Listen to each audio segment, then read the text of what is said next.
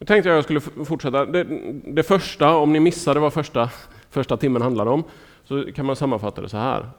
Frälsningen är i, i Jesus. Liksom. Det är inget revolutionerande. Hoppas jag ni alla hade koll på innan. Um, andra timmen nu så tänkte jag säga någonting om vad vi frälses till. Vi blir ju befriade av Kristus. Vi, men, vi,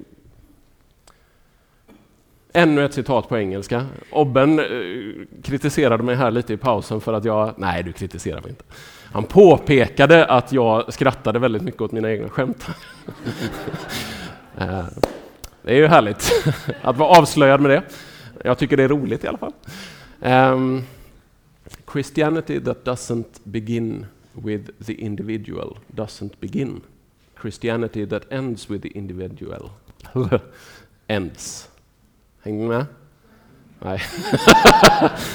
Härligt att använda citat som ingen förstår. Det är helt ljuvligt. ja, men jag sa ju det. Kom igen nu. Eh, nej, ehm, vi tar det på svenska istället då. Um, hur blir det då? Kristen tro som inte börjar med individen, börjar inte. Är ni med på det? Alltså den som inte personligen tar emot Jesus blir egentligen inte kristen. Vi behöver den personliga tron på honom. Kristendom som slutar med individen, slutar. Eller tar slut. Alltså, om det förblir bara du och Jesus så är risken ganska stor att du inte kommer att vara kristen när du ligger på din dödsbädd. Det är alltså ett ganska allvarligt budskap. Men egentligen är det så här. Tron handlar inte bara om dig och Gud och att ni ska ha det lite mysigt i livet. Utan tron handlar om att Gud gör dig till en del av sitt räddningsagerande i den här världen. Han gör dig till ett redskap för evangeliet. Han gör dig till en del av sin familj. Det här att vi säger att vi är Guds barn, det är ju egentligen ingen, bara någon gullig term så, utan det är en verklighet. Gud är vår far, vi är Guds barn, vi är syskon med varandra, vi är bröder och systrar i Kristus. Och Gud för oss då, vänta lite, jag är snart med. Eh, Gud för oss då in i en gemenskap med honom, där vi blir en del av Guds folk. Nu får du köra din fråga. Eh, jag tror att jag har fått det från samma präst, Hugh Palmer. Eh, man kan googla på honom, eller någon av de andra prästerna i den kyrkan. De är grymma, tycker jag. Jag är lite partisk. Eh, All Souls Church Langham Place kan man ladda ner massor med fina predikningar. Det är en skada jag har som präst. Jag får sällan lyssna på andra predikanter, därför lyssna, laddar jag ner predikningar och lyssnar på när jag är ute och springer en gång i halvåret. eller ehm, ut och gå med hunden eller något sånt. ja, nej men eh, jag försöker lyssna på undervisning själv ibland, det är rätt så nyttigt. Men de, de har väldigt mycket bra undervisning, så det är ett hett tips, ladda ner. Jag tror det finns på iTunes. Om man är intresserad av sånt. Nu handlar då detta om det sammanhang som du blir en del av. Och Det här kan bränna till lite för oss, för det är inte alltid helt lätt att vara en del av en församling. Men att vara en del av en församling är en del av budskapet. Du blir en del av en ny gemenskap som är kallad att gestalta himlen här på jorden. Och Har du då levt i en församling så kanske du känner, ja men eh, tjena, hur mycket gestaltar vi himlen på jorden? Jag sa inte att vi alltid lyckas, men jag sa att det är vår kallelse. Det är vår uppgift som Guds folk att göra det. Och det här är då mm, alltså en del av budskapet. Du är inte kallad att leva, vandra genom livet här själv med Jesus, utan tillsammans med hela Guds folk. Tillsammans med dina bröder och systrar. Och precis som en, en fysisk familj eller en jordisk familj så det kommer vissa förpliktelser med. Det kommer saker på köpet som är viktigt för oss att anamma.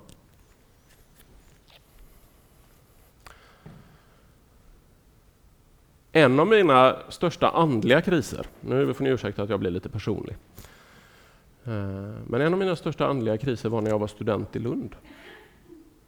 Jag tyckte att jag var en rätt så stabil kristen, jag läste mycket i Bibeln, jag pluggade till präst, jag fördjupade mig i teologi, jag var engagerad i olika sammanhang. Men jag ville inte bekänna mig till någon församling. Min ursäkt var att jag hittade ingen som passar mig. Det ska ju passa mig. Det ska ju liksom trigga igång mig. Vad hände av det? Någon som har någon gissning? Nej, det behöver ni inte gissa. Det blir lite jobbigt för mig om ni ska gissa vilka fel och brister jag har. De kanske är alldeles för uppenbara. Nej, men det man märker är att när man håller sig undan från ett sammanhang, då tar man andlig skada av det. Det är väldigt mycket lättare att snacka skit om ett sammanhang som man inte själv är del av. Eller tracka ner på det. Varför är de inte mer sådana? Vore de sådana, då skulle jag vara med. Kanske ni har testat att säga något sånt någon gång också. Men man mår inte riktigt bra av det andligt heller. Liksom. Kan jag verkligen lita på Gud när, när han, så mycket av undervisningen i Bibeln handlar om ett vi? Gud utväljer ett folk i Gamla Testamentet. Ett folk som ska vara ett vittnesbörd för världen runt omkring. Gud kallar en grupp lärjungar. Ja, vi får höra när de får den individuella kallelsen. Det måste börja med individen. Du är kallad av Jesus. Frälsningen gäller dig. Men den kallelse till ett sammanhang. Nu kommer ni att märka att jag är lutheran här. Det kanske inte var någon jätteöverraskning, men ändå. Um, I luthersk teologi brukar man skilja på lag och evangelium. Känner ni igen det? Någon kanske känner igen det? Ja. Lagen är vad Gud kräver av dig. Lagen avslöjar din synd. Lagen avslöjar att du behöver frälsning. Församlingen är inte lag. Församlingen är inte Guds krav på dig, den är evangelium. Den är Guds gåva till dig. Livet tillsammans med kyrkan är en del av evangeliet. Det är en del av budskapet. Nu vet jag inte, en del av er är uppvuxna i kristna familjer, ni kanske bara har fått följa med till en församling. En del av er kanske inte kommer från något kristet sammanhang sedan födseln. Och då kan ni veta att, att det är lite annorlunda. En prästkollega till mig berättade om en kille han fick döpa. Han eh, kom från en ateistisk familj.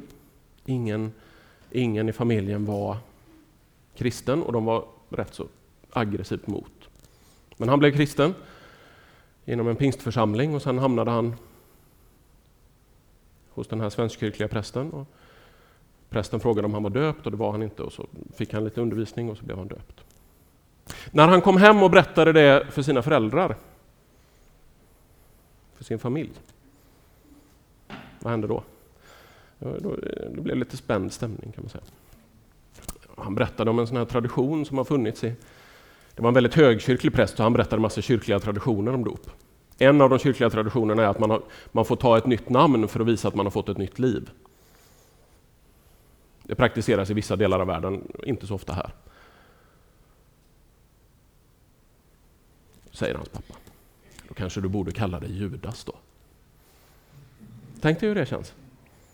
Komma hem till sin far och så. Det är egentligen att säga, du hör inte riktigt till den här familjen längre.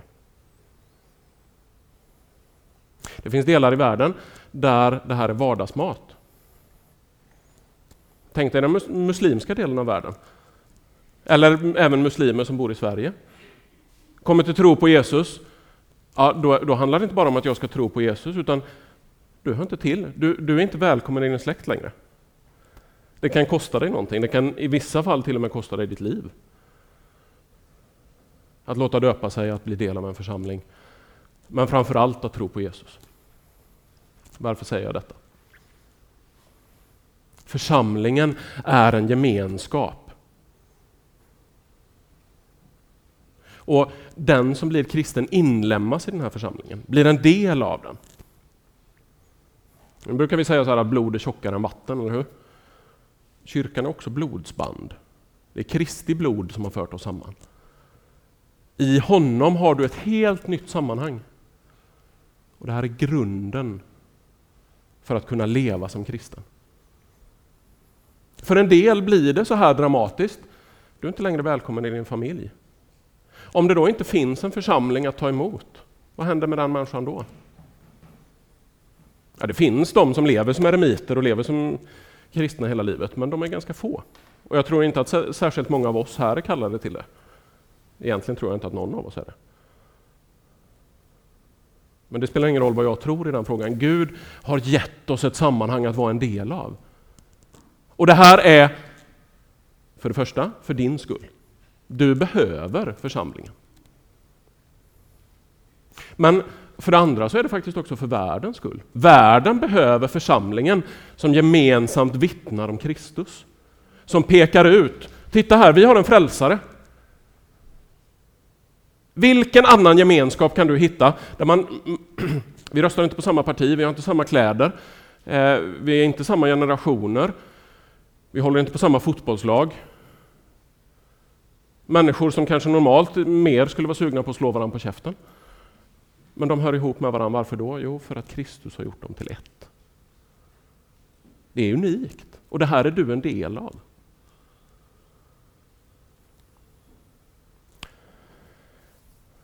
Nya testamentet som helhet är skrivet till ett vi. Det är skrivet till församlingar som behövde undervisning. De hade Gamla testamentets skrifter. Men Paulus skriver vi. Det är alltså ett kollektiv som skickar breven fast det är aposteln som står som garant för det. Eller Petrus här, ni skriver han till. Ni är ett släkte av kungar och präster. Ni. Det är en grupp, ett kollektiv han skriver till. Och Det här är ganska viktigt, för vi är så präglade av individualism. Jag ska välja själv, jag ska göra på mitt sätt, jag ska för, alltså, självförverkligande, jag ska bli det bästa jag kan bli. Nej, du ska följa Kristus. Det nya livet är tillsammans med Kristus och tillsammans med det sammanhang som han sätter in dig i. I den första kyrkan så vill man göra sig av med de judekristna ibland. Läs Romarbrevet 10.11. 9, 10, 11. säger han, ni har blivit inympade på trädet, men de var trädet från början. Vi kan inte göra oss av med varann. Vi kan inte göra oss av med de kristna som inte riktigt passar oss. Sen behöver vi liksom gemensamt följa Kristus och lyda honom. Det är hans kyrka. Men det här, är, det här handlar också lite om vad innebär det att leva i ljuset? Vad innebär det att leva som ljusets lärjunge? Som Jesu lärjunge? Och det innebär att vi ska vara en del av ett sammanhang där vi präglas att likna honom. Vi präglas. Vi är ett tempel för den helige Ande. Paulus skriver faktiskt det i plural. Och när, anledningen att jag lägger lite tid på detta innan vi kommer in på bibeltexten är att det här är en ganska viktig del av Nya Testamentets undervisning. Vad är det första som händer när eh, någon av missionärerna i apostlärningarna kommer till en ny plats?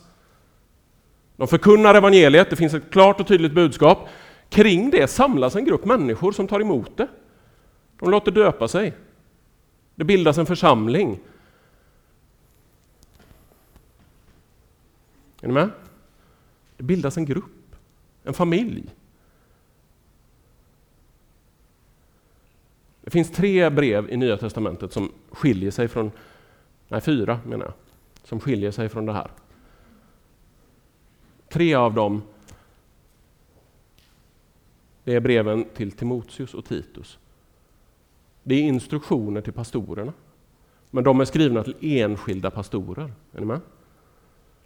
I övrigt är det skrivet till kollektivet i stort sett. Med enskilda hälsningar och sådana saker. Det innebär alltså att Även det som är skrivet till enskilda individer gäller församlingen. För det gäller församlingsledningen. Titus får i uppgift, insett äldste, insett pastorer, där församlingar har bildats. Se till att församlingarna håller ihop. Se till att de håller fast vid den sunda läran. Se till att de liksom bevaras i den tro som de har fått ta emot. Det är rätt så mäktigt.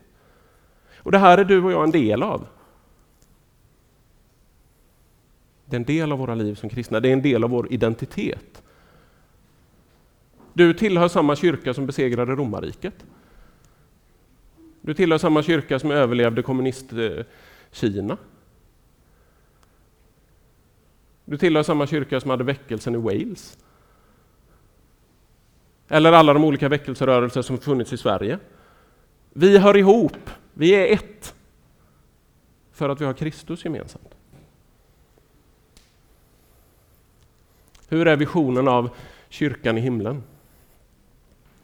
Alla släkter, alla språk, alla stammar.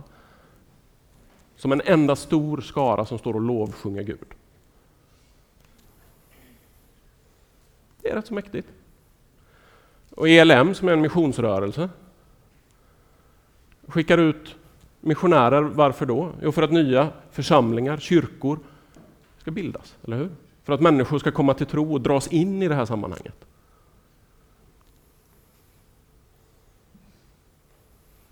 Och så ska vi också våga se på oss själva. Jag ska komma tillbaka lite till det. Det här handlar om vår identitet, vår självbild. Hur ser vi på oss själva? Jag är kristen och jag klarar mig rätt så bra. Nej, vi hör ihop. Eller ja, förhoppningsvis är du kristen och klarar dig rätt så bra, men, men det är inte någonting som sker i ett vakuum. Det är en enorm välsignelse att vara med i en hemgrupp, tycker jag för egen del. När de kom över tröskeln att vara i samma hemgrupp som prästen så att de vågade börja prata. De var rädda för att prata med mig först. Kanske ni förstår. Ja. Men det här är alltså det är en sprängkraft i det. Jag avslöjar, jag, jag, kan liksom inte leva i illusionen att synden påverkar inte mig när jag lever i relation med andra människor. Jag kan inte leva i, relation, i illusionen att jag, jag klarar mig utan Kristus när jag lever i en församling. Det här är viktigt för dig.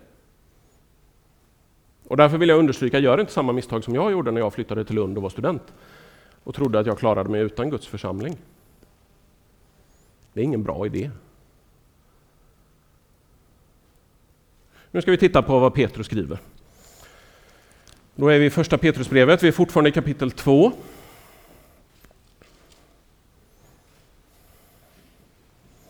Och nu ska jag läsa alla fyra eh, verserna 4 till 10 igen. Och så tänker jag så här att försök att titta på det nu utifrån perspektivet att Gud faktiskt försöker bygga upp någonting i världen. För det är det som är liksom den styrande tanken här hos Petrus. Kom till honom, den levande stenen, som visserligen är förkastad av människor men är utvald och dyrbar inför Gud. Och låt er själva som, ett, som levande stenar byggas upp till ett andligt hus. Ett heligt prästerskap som ska frambära andliga offer och som eh, andliga offer som Gud tack vare Jesus Kristus tar emot med glädje. Det står nämligen i skriften, se jag lägger i Sion en utvald dyrbar hörnsten och den som tror på den ska aldrig komma på skam. För er som tror är den alltså dyrbar, men för de som inte tror har den sten som byggnadsarbetarna kastade bort blivit en hörnsten, en stötesten och en klippa till fall. De stöter emot den därför att de inte lyder ordet, så var också bestämt om dem. Men ni är ett utvalt släkte, ett konungsligt prästerskap, ett heligt folk, ett Guds eget folk, för att ni ska förkunna hans härliga gärningar. Han som har kallat er från mörkret till sitt underbara ljus. Ni som, inte förut, ni som förut inte var ett folk är nu Guds folk. Ni som inte hade fått barmhärtighet har nu fått barmhärtighet.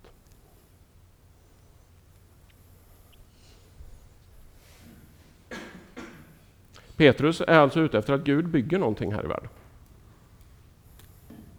Och det bygget, det är ni en del av.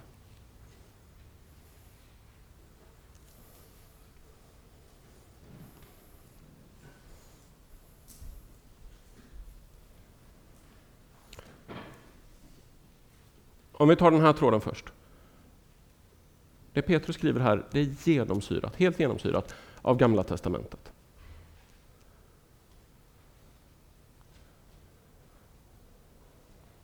Det blir allra tydligast i vers 9. Ett utvalt släkte, ett konungsligt prästerskap, ett heligt folk, ett Guds eget folk för att ni ska förkunna hans härliga gärningar. Allt det där är, GT-citat. Men det ansluter också till självbilden, hur folk såg på sig själva. Vi är utvalda av Gud. Vi är hans folk. Vi är de här i världen som tillhör honom.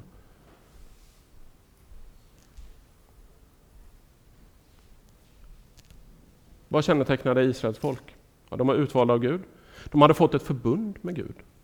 Gud hade slutit förbund med dem och bekänt sig till dem och sagt ni tillhör mig.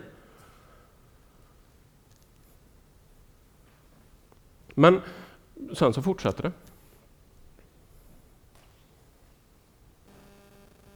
Det här var inte bara på GTs tid, utan det är så jättetydligt i Nya Testamentet rakt igenom.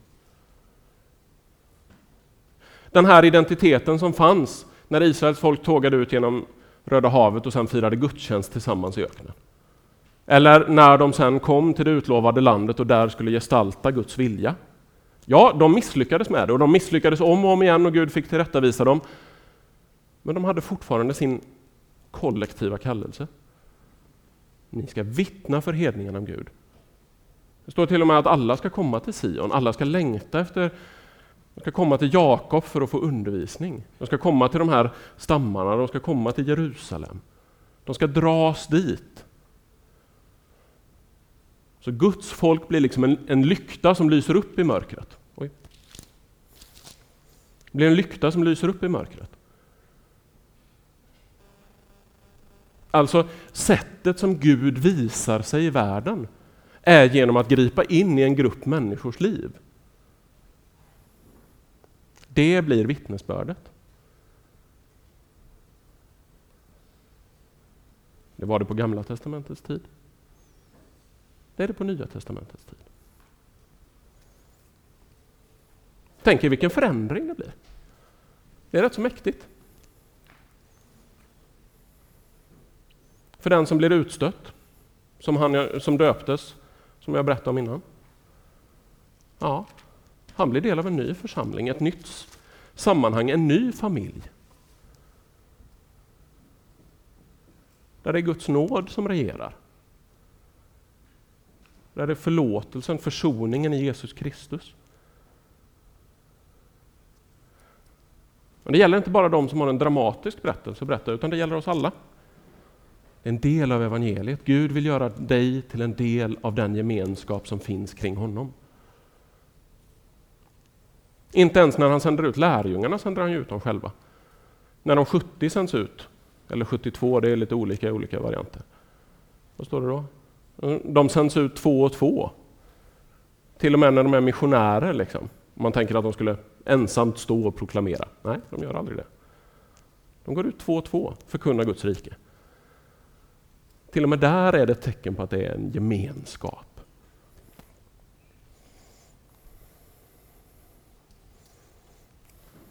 Nu använder sig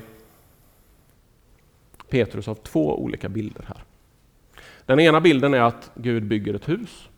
Den andra bilden är att Gud samlar ett folk. Kan ni se de två? Eller har ni somnat allihop?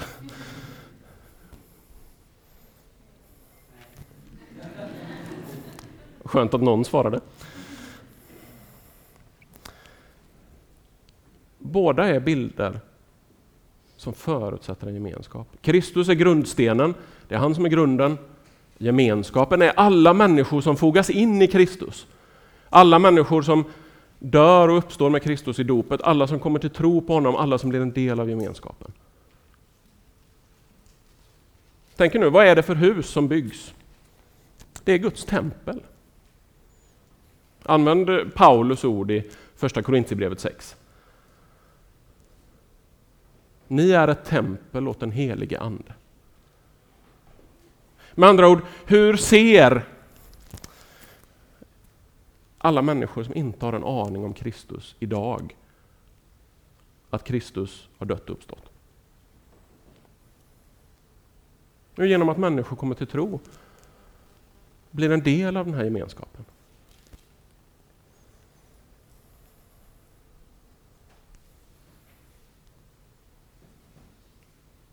Egentligen är det ganska, det är ganska enkelt, det påverkar dina vanor. Tänk dig så här att du först inte har varit kristen, och sen blir du kristen.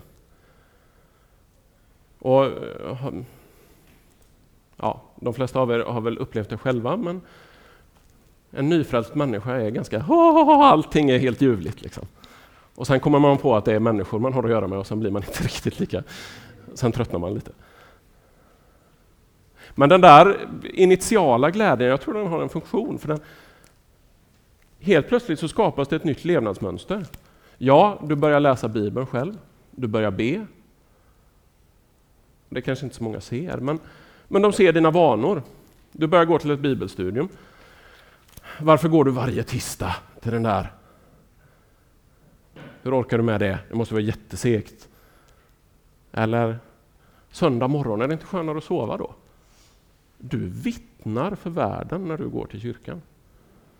Att du prioriterar på ett annat sätt. Den här gemenskapen är så viktig för mig att jag går upp fast jag kunde haft sovmorgon eller legat vid stranden. Eller det här lägret. Sen är vi kanske lite dåliga på vad gjorde du i helgen? Ja, vi grillade i lördags, det var jättetrevligt. Var det det enda du gjorde i helgen? Det var en jättefin gudstjänst i kyrkan. Martin höll ett jättefint vittnesbörd om hur usla syndare vi är. Förlåt. ja. Han sa att han har skriften på sin sida och jag håller med. ja. Vågar inte säga emot. ja, men är ni med? Det här handlar om att visa ett annat liv för världen runt omkring. Och att jag också i någon bemärkelse bekänner mig till den här gemenskapen inte bara för att visa att jag är en duktig kristen, utan för att jag behöver den. Jag behöver ett sammanhang att få höra Guds ord i. Jag behöver människor att be tillsammans med. Jag behöver människor som frågar hur är det med dig? Som bryr sig om mig, som älskar mig. Och det där kan vi bara göra om vi är en gemenskap och lever tillsammans.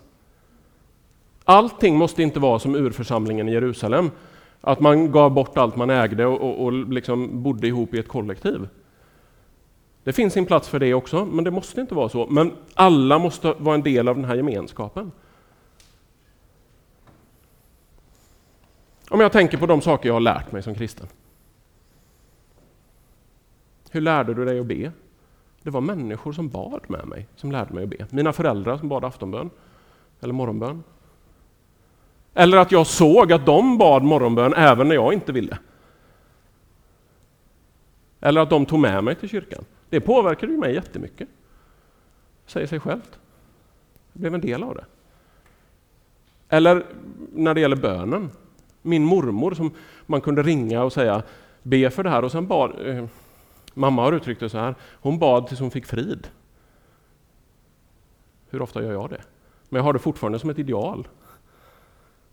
Hon bad igenom liksom. Det lärde mig att be. Är ni med? Man lär sig i gemenskap. Ungdomsgruppen hemma betyder jättemycket för mig för att utvecklas i tron. För att växa som kristen. Och faktiskt också gudstjänsterna. Jag kan komma ihåg ganska många gudstjänster som jag undrade vad jag gjorde där, framförallt som tonåring. Framförallt ett på Studium som aldrig tog slut.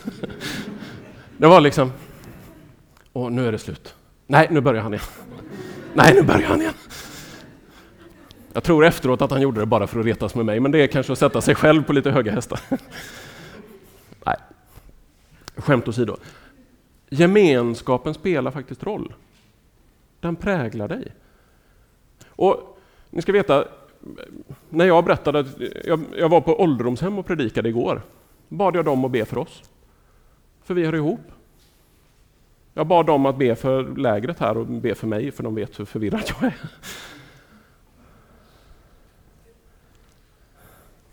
Ja, men, och det, det, här är, det här är ganska viktigt, vi hör ihop i Kristi kropp. Vi är en enhet. Det här husbygget, plockar vi bort stenar ur det, vad händer då? Det blir inte så mycket till hus att bo i.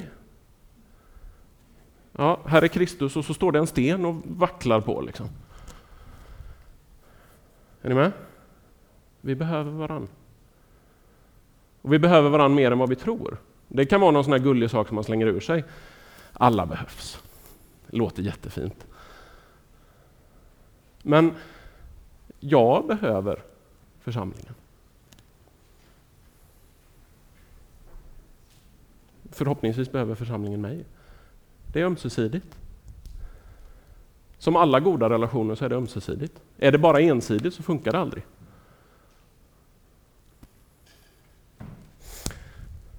Den andra bilden är av ett folk.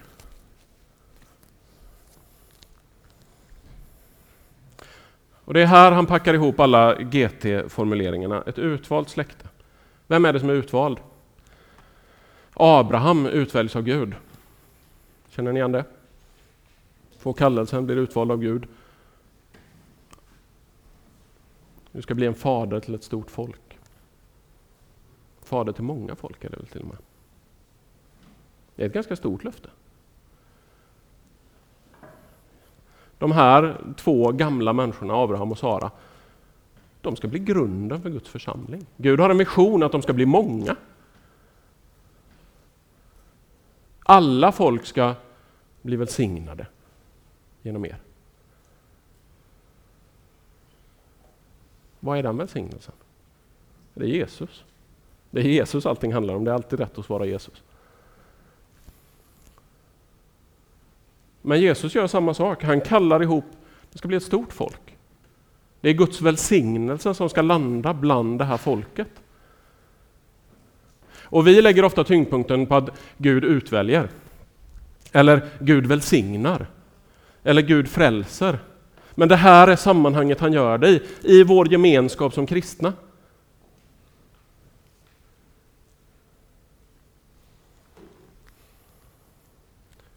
Och sen så fortsätter det. Ett konungsligt prästerskap. Här står det inte presbyteros på grekiska, alltså det som vi har som präst. Eller som ibland översatts, eh, jag tror att i folkbibeln översätts det alltid som äldste. Han pratar alltså inte om att alla är pastorer. Eller att alla ska predika. Utan han pratar om att ni är ett konungsligt prästerskap. Vilka präster är det då? Hierevs. Och då säger alla ja, nu har jag fattat. Nej, ni ser ut som levande frågetecken. Hierevs är de gammaltestamentliga offerprästerna. De som fick lov att träda in inför Gud. De som fick lov att vara i hans närhet. Det var ju de enda som fick det. Överste prästen får gå in en gång om året in i det allra heligaste med offerblodet. Hade vi varit av en lite mer karismatisk tradition hade vi sagt halleluja nu, för vi har Jesu blod. Och vi kollektivt, vi började med lovsång. Vi får komma som gemenskap inför Gud. Gemenskapen med Gud är återupprättad i vårt sammanhang. Jesu löfte, där två eller tre är församlade i mitt namn, hur fortsätter det? Är jag mitt ibland dem? Eller hur? Gud knyter sina löften till gemenskapen. Det såg ut som du pillade på klockan så jag började fundera på om jag segla iväg i tiden här. Gud knyter sina löften till gemenskapen. När ni är samlade i mitt namn, då är jag där. Alltså, detta överväldigande påstående, Gud är här just nu. Vi har lovsjungit honom, vi har lyssnat till hans ord. Gud är här. Han handlar. Guds ande är här just nu. Är ni med? Och det här löftet har han knutit till Ja, men, säg så här att du har en bedrövlig situation. Du bor ensam i Eslöv. ja, förlåt, det, det, passade bra att lägga ihop Eslöv där. Är det någon som är från Eslöv så var det inget no offense mot Eslöv. Det kunde varit Hyssna. Eller ja. Ja, men, här, du är ensam på din ort, det finns ingen annan kristen. Ja, men hittar du en kristen att be med, en kristen att läsa Guds ord med, då har Gud knutit sitt löfte till att han är där, han handlar. Och vi ska vara frimodiga att ta Gud på orden. När vi samlas tillsammans, ja, är vi kristna båda två eller alla tre eller hur många vi nu är? Ja, men Jesus, vi, vi, vi ber till dig, var med oss. kanske räcker så. Men vi litar på att han är där. Och det är då vi också kan påminna och uppmuntra varandra. Titta här, här är Guds ord. Så här säger Gud. Det finns en enorm kraft i att våga tro att Gud faktiskt menar det han säger. Att han inte säger det för att det ska låta gulligt, utan han menar det.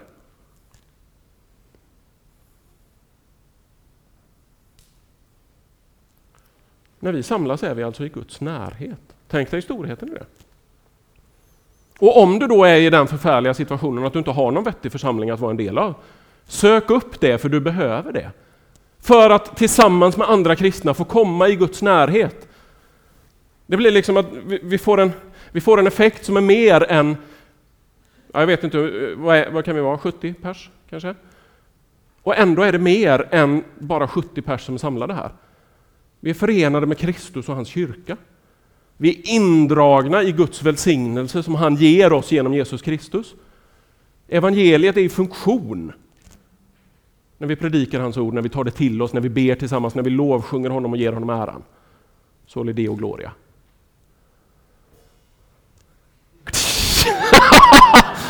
nice! Sånt där kan man inte öva in liksom. Härligt.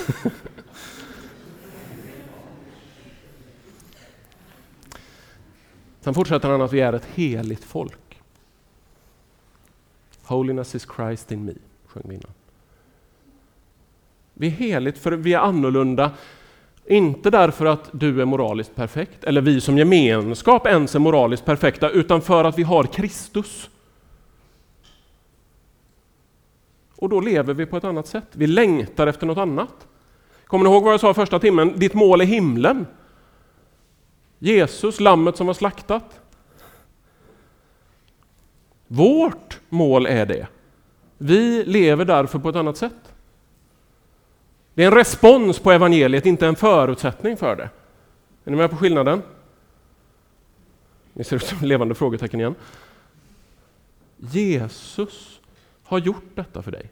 Du är indragen i det. Och att vi då börjar leva på ett annat sätt, vi börjar söka Gud i hans ord. Vi börjar söka oss till hans församling. Vi börjar be tillsammans. Då är du en del av ett heligt folk, ett folk som lever på ett annat sätt. Ett folk som inte längre lever i mörkret. Som inte längre lever med din egen agenda utan med Guds. Det är liksom ett byte av agenda, byte av färdriktning, en Kristuskompass istället.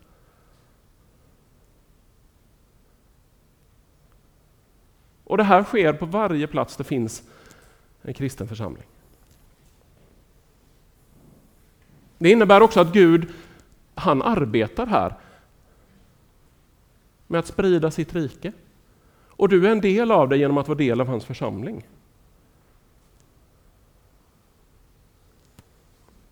Då är du en del av Guds heliga folk, Guds heliga kyrka.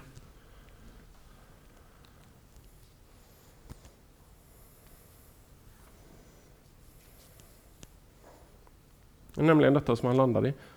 Ett Guds eget folk. Vi är hans egna. Det är något väldigt häftigt när man får barn. Det här är min son Efraim. Det här är min son Gabriel. Jag älskar dem. Det är mäktigt. Otroligt mäktig upplevelse att få vara med om. Så ser Gud på dig. Det är ändå ett vittnesbörd om det. Fadern i himlen längtar efter sina barn. Längtar efter att de ska samlas. Allihop hemma hos honom. Och det fullkomnas inte förrän i himlen, vi vet det. Men varje gång som vi samlas. Varje gång församlingen är samlad, då sker någonting av det. Och det ger faktiskt Gud glädje. Jag tror att vi ska våga säga det och tro det. Gud blir glad när vi samlas, Gud blir glad när vi lovsjunger honom, när vi lyssnar till honom. Det kan ju räcka med att mina barn skrattar, så blir jag lycklig. Det är, liksom, det är inte så svårt att roa mig. Men det ligger något mäktigt i det här. Det är något fint. Gud blir glad, Gud blir lycklig. Och vi fyller vår, skapel, vår skapelseroll. Tredje citatet från Hugh Palmer nu då. We have a God-shaped hole in our hearts. Det är bara Gud som kan fylla det. Det är ett hål i våra hjärtan med formen av Gud. Det är bara Gud som kan fylla det. Du kommer alltså inte att fullt ut bli den du är skapad till att vara om du inte får leva med Gud i hans församling. Den är alltså till för dig, för din, ditt helande, ditt återupprättande som människa.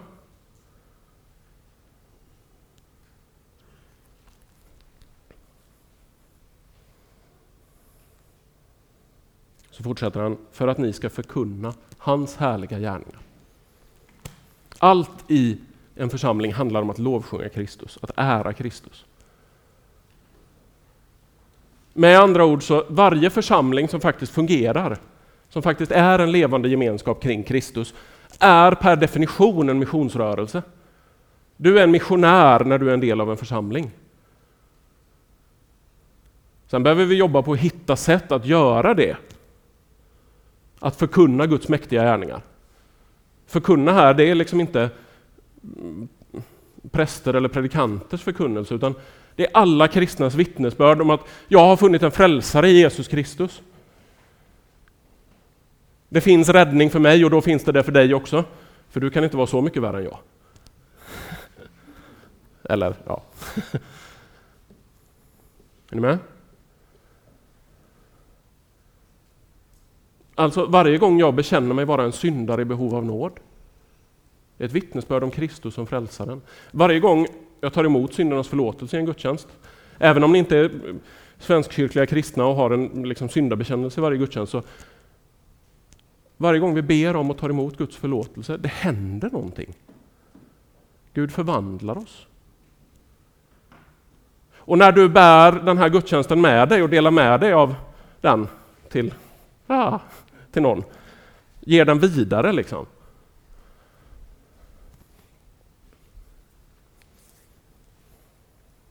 Det händer någonting. Vi förkunnar Guds väldiga gärningar, vi förkunnar att Gud har makt att gripa in. Jag tänker på det när människor går igenom något jobbigt. Vi, vi kan ofta säga jag tänker på dig. Men som, för mig som kristen så innebär ju det inte att jag tänker på personen utan att jag ber för personen. Det är egentligen ett ganska mäktigt vittnesbörd. Jag ber till Gud för dig. En liten utmaning att våga säga så istället. Om det nu är det du gör, annars kan man inte säga det. Nej, men då är det ju bara gulliga ord och det, det spelar inte så stor roll. Men Martin, jag ber för dig, för jag vet att du går igenom något tufft. Jag önskar verkligen att det ska gå bra för dig. Det är ett vittnesbörd om att vi tror att Gud har makten att gripa in. Och det här måste vi... Paulus säger att det här är er gudstjänst, förnyelsen av era tankar, Romarbrevet 12. Förnyelsen av våra tankar, av våra sätt att leva. Det är en förkunnelse. Och därmed kan vi se det som att vi alla kristna är predikanter. Inte i den bemärkelsen som jag är idag, för det tror jag inte att alla är kallade till. Men i bemärkelsen att alla kan bära det här vittnesbördet. Till din familj, till dina klasskamrater, arbetskollegor, grannar, fotbollsklubbs tränarkompisar. Fyll i själv. Det här är rätt så viktigt. Du ska våga tro att Gud kan använda dig i det sammanhang du tillhör. Och bara genom att du tillhör det så händer det någonting. Du, du, det är liksom lite som... Har ni sett de här amerikanska värvningsposters Uncle Sam wants you. Någon som känner igen? Ni var så tysta så jag blev orolig. Eh. Jesus Kristus vill ha med dig i sin tjänst. Och då blir det på ett sätt som, ja, jag, jag är en del av folket. Jag tar värvning andligt sett. Jag är med i detta. Gud har gjort detta för mig, jag vill ge det vidare. Det här, alltså, skuldkänslor kan aldrig vara din drivkraft i detta. Jag borde. Nej, då ska du söka Kristus istället. Söka dig närmare honom, fångas av hans kärlek. Men har vi väl blivit gripna av den kärleken, då ska vi inte låta det bero. Då är du kallad att ta värvning, join the army. För Gud vill att du ska vara en del av, det här, av hans räddningsplan för den här världen. Hur många här inne har blivit frälsta genom en direkt uppenbarelse från Jesus Kristus där ni har sett honom själv? Mm. Det är ganska ovanligt, men det händer. Hur många har blivit det genom ett vittnesbörd av någon människa? Ja, jag trodde ni skulle räcka upp handen allihop, det var lite misslyckat. Men jag tror att vi ska inte underskatta detta, människor som ber för andra, människor som delar tron med andra. Det får effekt. Det är så tron en gång i tiden kom hit. Människor som vandrade hit och började predika om Jesus, började fira gudstjänst, började bilda församlingar. Vår församling hemma har en kyrka från 1100-talet. Det betyder att människor har tillbett Gud på just den platsen i åtminstone 900 år. I just den kyrkan. Innan dess fanns det en träkyrka på samma plats. Det betyder att alltså församlingen är äldre än kyrkan. I ett visst sammanhang. Ett visst perspektiv. Människor har gett vidare det här, generation för generation. Och vi är en del av det. Vi är en del av den här missionsrörelsen. Där la jag Bibeln.